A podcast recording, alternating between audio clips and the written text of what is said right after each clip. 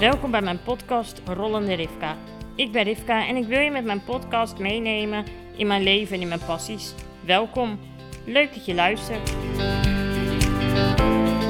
Voor deze aflevering van Rollende Rivka werd ik getriggerd door een uitspraak van presentator Eva Eickhout um, in de Volkskrant bijlage van vorig weekend. Uh, Eva is uh, een presentator, nou, presentatrice, nou ja, genderneutraal, whatever.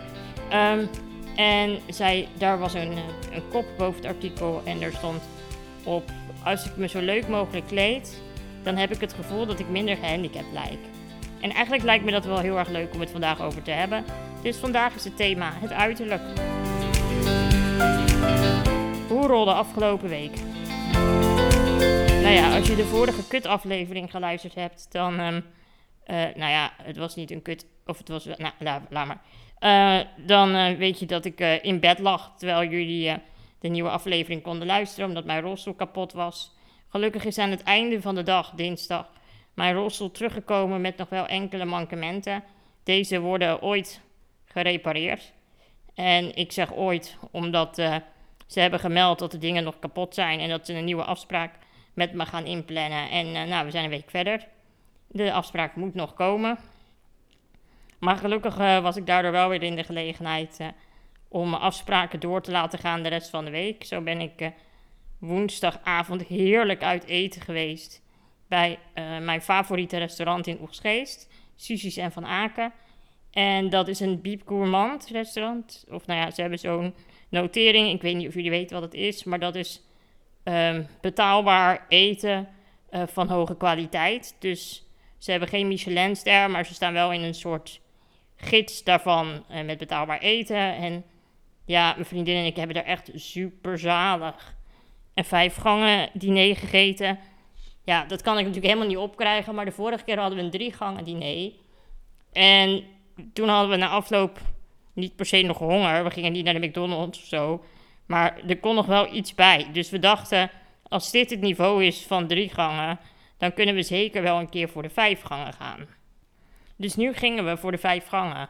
Helemaal zin in, helemaal excited. Ik dacht, ja, ik moet echt goed veel ruimte in mijn buik hebben, zodat ik het allemaal op kan, want ik eet niet zo heel veel. Dus um, nou, wij gingen er naartoe. Alleen uh, we hadden ons nooit gerealiseerd dat het drie gangen menu um, van vis was. En gang 2 was 24 uur gegaarde buikspek. Och, mensen. Dat kan ik iedereen aanraden om te eten als het goed gemaakt is. Dat was zo lekker. En zo mals. Nou, gang 3 was heel veel shiitake. Nou, niet heel veel, maar shiitake ijs, shiitake mousse, shiitake, shiitake, shiitake bouillon. En gang 4 was, ja, rood vlees, iets, iets biefstuk, maar het was geen biefstuk. Maar ik weet ook niet meer wat het wel was. Maar ik kon het gewoon eten. Hè. Het was zo mals. En daar was ik zo gelukkig van. Want ik heb al zo lang geen biefstuk meer kunnen eten. Terwijl ik daar zo enorm van hou. En dit was gewoon super mals, rood vleesachtig biefstuk lijkende stuk vlees. Maar ja, weer vlees. En toen als, als dessert, niet als toetje, als dessert hadden we rabarber, nog wat ijs. En een gebakje met iets met amandel, uh, mousse van champagne en um, merengue erop. Nou, echt zo lekker. Maar ja, als je denkt dat drie gangen met alleen maar witvis niet vult, dan kun je je natuurlijk wel voorstellen dat dit nou echt zoveel was. Ging rollend naar huis. Het was letterlijk rollende rivka. Nou, het is altijd letterlijk rollende rivka. Maar goed, het was echt een heerlijke avond hebben enorm genoten en ik kijk er nu al naar uit om weer te gaan. En donderdag, met doderdenking, ben ik naar de musical Aida geweest. En toen mijn moeder hoorde dat ik naar Aida ging, zei ze gelijk: Ben je wel stil met doderdenking? Um, want wij doen dat thuis altijd. Gewoon voor de tv om 8 uur. Bij het NOS-journaal. Of bij de NOS. Um, ja, ik denk tuurlijk, er zal wel iets geregeld zijn. En inderdaad, was super indrukwekkend om in de loge te staan met alle bezoekers van de voorstelling en dat gewoon iedereen stil is. Ik was toen echt, ik was toen echt trots op mijn land. dat we dit gewoon met elkaar kunnen. Dat je dus gewoon met elkaar eensgezind stil bent. En het enige wat je hoorde was de airco. Toen moest ik wel gelijk even denken aan corona. Vond ik eigenlijk wel weer grappig.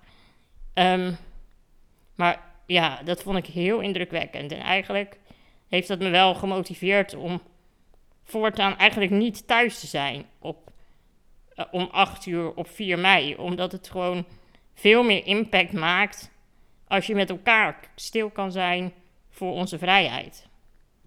Nou ja, en daarna de voorstelling. En ja, die was fantastisch. Ik was nog nooit bij AIDA geweest. Niet in de eerste ronde, zeg maar, in 2001. Want ik was toen te jong en ik had nog geen geld. En dit was echt fantastisch. Dus als u mensen met mij heen willen, of jij het betaalt je kaartje betaalt, of betaalt het kaartje zelf, maakt niet echt uit. Ik hou me aanbevolen. Want uh, ja, dit is zoiets moois. Dat uh, kan ik alleen maar iedereen aanraden om te zien. ja, muziek van Elton John en Tim Rice. Dat weet je wel, de mensen van The Lion King. Ja, dat is natuurlijk gewoon geweldig. Dat is gewoon zo mooi. Um, en het was best wel eenvoudig. Of althans, het was niet heel veel spektakel. Maar ja, ik kan het iedereen aanraden. En dan hadden we natuurlijk nog een hoogtepunt deze week. De kroning van Prins Charles nou ja, koning Charles III. Uh, eh, ja, ik heb zaterdag natuurlijk de hele dag voor de tv gekeken. En zondagavond heb ik dat concert gekeken. Helemaal fantastisch. Nou ben ik natuurlijk wel team Sussex. Nu zullen mensen me wel vergruizen dat ik dat ben. Maar ja, ik ben ook gewoon fan van Meghan en Harry. Dus jammer dat zij er niet waren. Helemaal begrijpelijk. Maar wat kunnen de Engelsen dit goed? En wat is het jammer dat het nog zo lang duurt voordat er weer iemand gaat trouwen in een Europees koningshuis. Want dat zijn toch gewoon fantastische dagen om lekker voor de buis naar al die pracht en praal te kunnen kijken. Nou ja, dat was een beetje mijn afgelopen week. Duurde eigenlijk veel te lang. Het was ook eigenlijk best wel een prima week na al die ellende. Dus dan gaan we nu verder met My Point of View. Als ik me zo leuk mogelijk kleed, heb ik het gevoel dat ik minder gehandicapt lijk. Dat zei presentator Eva Eickhout in de Volkskrant. En ik weet niet of iedereen Eva kent, maar Eva, die, uh, ik weet eigenlijk ook niet waar ik haar van ken, maar gewoon van het feit dat ze in een rolstoel zit. En eigenlijk als je een, iemand met een beperking op tv enigszins met regelmaat terugkomt, dan gaat dat in het gehandicapte wereldje als een soort olievlek uit van, oh wat vet, er is iemand in een rolstoel op tv of in de media. Dus ja, Eva ken ik gewoon van het mediabeeld. En ik weet niet precies welke beperking Eva heeft, maar zij heeft in elk geval um, ja, korte benen en uh, geen armen. Daar zullen vast wel hele medische benamingen voor zijn. Ik heb helemaal geen idee hoe je dit netjes noemt. En uh, Eva, sorry als ik je beledigd heb hiermee, maar ja, hoe moet ik het anders uitleggen? Um, superleuke meid. Um, en daar ging dus de quote over. En toen ben ik daarover na gaan denken, dacht ik... Ja, het is ook wel leuk om het daar eens over te hebben. Want ik doe daar ook wel mijn best voor. Wel mijn best voor, dat klinkt weer zo. Alsof ik het heel nonchalant doe, maar dat is niet waar. Um, het is gewoon best heel lastig als je lichamelijk gehandicapt bent. En het is super zichtbaar. Dus ik ben natuurlijk hartstikke scheef. Uh, ik merk toch wel dat mijn gezicht wat andere vormen begint te krijgen door de vergroeien in mijn nek en in mijn mond. Dus uh, de onderkin uh, die zakt steeds meer uit. Vind ik natuurlijk gewoon eigenlijk heel erg vervelend. En daarbij ben ik gewoon zo krom als een hoepel, dus scheef. En ja, ik heb eigenlijk altijd wel gevonden dat hoe je eruit ziet gewoon heel erg belangrijk is. Of je nou gehandicapt bent of niet. Um, ja, dat, ik vind wel gewoon dat je je netjes moet doen laten voorkomen. En dat is ook wat ik eigenlijk over het algemeen wel probeer uit te stralen. En het lijkt me gewoon echt het allerfijnst als je gewoon je bed uitstapt en dat je er dan zo uitziet als de mensen van Selling the Sunset. Alleen die zien er ook nooit zo uit, geloof ik, als ze uit hun bed stappen. Alleen hebben ze voor de opnames drie uur make-up plus drie kilo haarstukken. Ja, daar heb ik natuurlijk geen tijd voor. Al heb ik wel personeel wat me uit bed haalt, maar ik neem ze niet aan op de kwalificaties hoe ze mijn make-up en mijn haar kunnen doen. Ehm, maar wat lijkt me dat lekker, dat je er gewoon niks, niet heel veel aan hoeft te doen. En zo heb ik mijn leven ook al makkelijker gemaakt, want ik heb namelijk een paar maanden geleden mijn ogen laten um, eyeliner laten tatoeëren. En ik dacht, dat kan gewoon bij een schoonheidssalon. Daar heeft niemand. Dat doen heel veel mensen. Dat is helemaal niet ingewikkeld. Maar allemachtig, wat doet dat een pijn, zeg. En dan moet je ook nog twee keer. Dus ze gaan zeven, zes keer, geloof ik, gaan ze over je, over je oog. Heen en weer. En ik dacht, ik doe het gelijk goed. Dus ik heb zowel boven als onder een lijntje laten trekken. Nou, en na zes weken moest ik nog een keer. Man, man, man. Ja, en mijn andere personeel, die was toevallig in dezelfde salon voor de nagels. Die hebben natuurlijk zitten lachen dat ik daar lag te creperen van de pijn in die salon. Nou ja, de foto van deze podcast is dus ook een plaatje op dat moment. Daar zie ik er nog lachend uit, want ik geloof dat dat de derde keer was dat ze over mijn ogen ging. En toen dacht ik nog, waar maakt iedereen zich druk van? Uh, waar maakt iedereen zich druk om? Nou, als ze voor de vijfde keer over je ogen gaat, dan snap ik het. Dan snap je het wel. Man, man, man. En dan dat vegen daarna. Nou ja, goed. Dat doe ik er dus ook aan om ervoor te zorgen dat ik er netjes uitzie. Net als dat ik mijn nagels elke vier weken laat doen.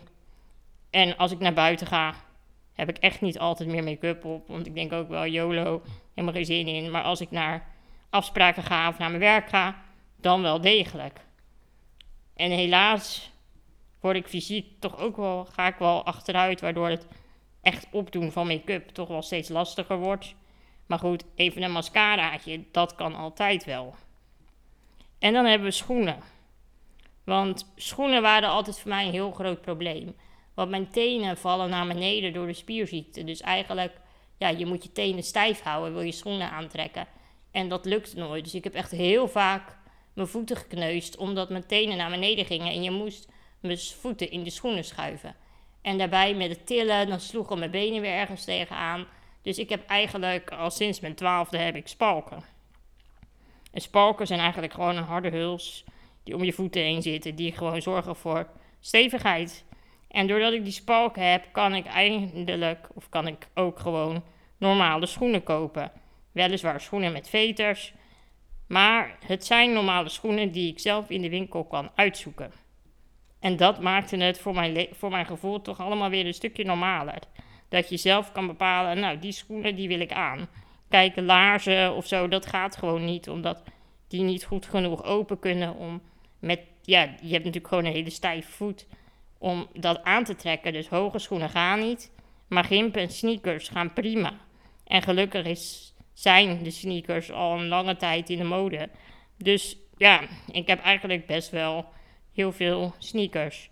Nou ja, het kunnen er eigenlijk altijd meer zijn. En dan, als we vanuit van onder naar boven gaan, hebben we het natuurlijk over de broeken. Rokken draag ik niet. Dat vind ik zo verschrikkelijk. Want ik zit altijd met mijn benen een stukje uit elkaar. Ik weet niet waarom de ergotherapie dat ooit heeft ingevoerd. Want nou ja, ik vind het dus geen porum als je in een rolstoel zit en je zit met je knieën uit elkaar en je hebt een rok aan. Daarnaast heb ik natuurlijk dan die spalken om. Nou, dat, dat is echt helemaal nat dan. Dus ik heb altijd lange broeken aan. En in de zomer zijn het linnenbroeken. Um, maar ik heb dus altijd broeken aan. En broeken zijn best wel ook een ding. Want als je natuurlijk de hele dag zit, zijn spijkerbroeken met knopen en dergelijke helemaal niet fijn. En gelukkig kwam mijn moeder op het lumineuze idee, toen zij zelf zwanger was van mijn zusje, om zwangerschapsstukken in mijn broeken te naaien. Um, dat deed zij vroeger zelf ook, uit besparing zette ze gewoon een stuk tricot in een oude spijkerbroek. En dan droeg je op die manier je zwangerschapsbroek. En dat is ze ook voor mij gaan doen. En eigenlijk uh, draag ik op die manier al, nou ja, ik denk dus zoiets van, uh, nou, 28 jaar broeken. Dus ik koop gewone broeken. En mijn moeder doet aan de voorkanten een stuk tricot erin. Waardoor uh, ze eigenlijk heel erg goed zitten. En de blouses, dat zijn wel een grotere uitdaging. Want doordat ik natuurlijk een spierziekte heb, moet alles ook niet te veel knellen. Moet alles ook wel makkelijk kunnen meerekken. En dan is mijn zijkant heel erg bol vanwege mijn scoliose, waardoor ik zo scheef ben. Dus blouses zijn altijd wel een grotere uitdaging. Al zetten we daar ook vaak in de achterkant uh, tricot uh, in. Um, maar ja, dan nog steeds is het niet altijd heel erg lekker. Gelukkig heb je nu wat meer van die oversized blouse, waardoor het allemaal iets makkelijker en fijner zit. Ehm, maar ja, dan ook, je kan wel weer twee maten groter kopen, maar dan zijn de schouders weer niet op de juiste plek. Dus dat is altijd wel een, uh, een beetje een gedoe.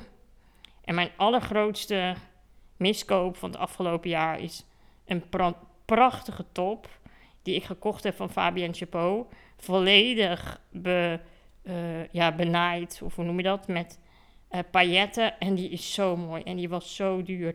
Maar ik was zo verliefd op, dus ik heb hem gekocht. Ik heb hem laten vernaaien. Ding zit niet. Zit geen rek in, is stijf, is zwaar. De mouwen, jongens. Ik hoef echt niet te eten als ik dat ding aan heb, want ik kan mijn armen niet eens bewegen. Maar hij is zo mooi. En ik kan hem dus ook niet meer verkopen op, op Vinted. Want ja, niemand past dat ding. Um, ja, dat was mijn grootste modeflater. En verder kopen we gewoon lekker door met leuke kleding, mooie nieuwe sneakers. Ik heb nu op het oog um, van Kopenhagen. Oh, die zijn zo leuk. Maar ja, dan denk ik toch weer 179 euro voor iets waar je toch niet op loopt. Anderzijds, ik kan ze volgend jaar gewoon voor 120 euro weer verkopen op Vinted. Maar ja, ik denk dat ik het gewoon ga doen, want YOLO. Nou ja, dit was het weer voor deze week. Heb jij nog goede tips om je kleding te vernaaien en lekkerder te laten zitten als je in een rolstoel zit? Hoor ik het heel graag. En verder um, wil ik je bedanken voor het luisteren. Vergeet je niet te abonneren. En als je vragen of suggesties hebt, neem met mij contact op via rollenderivka.nl of via social media. Tot volgende week.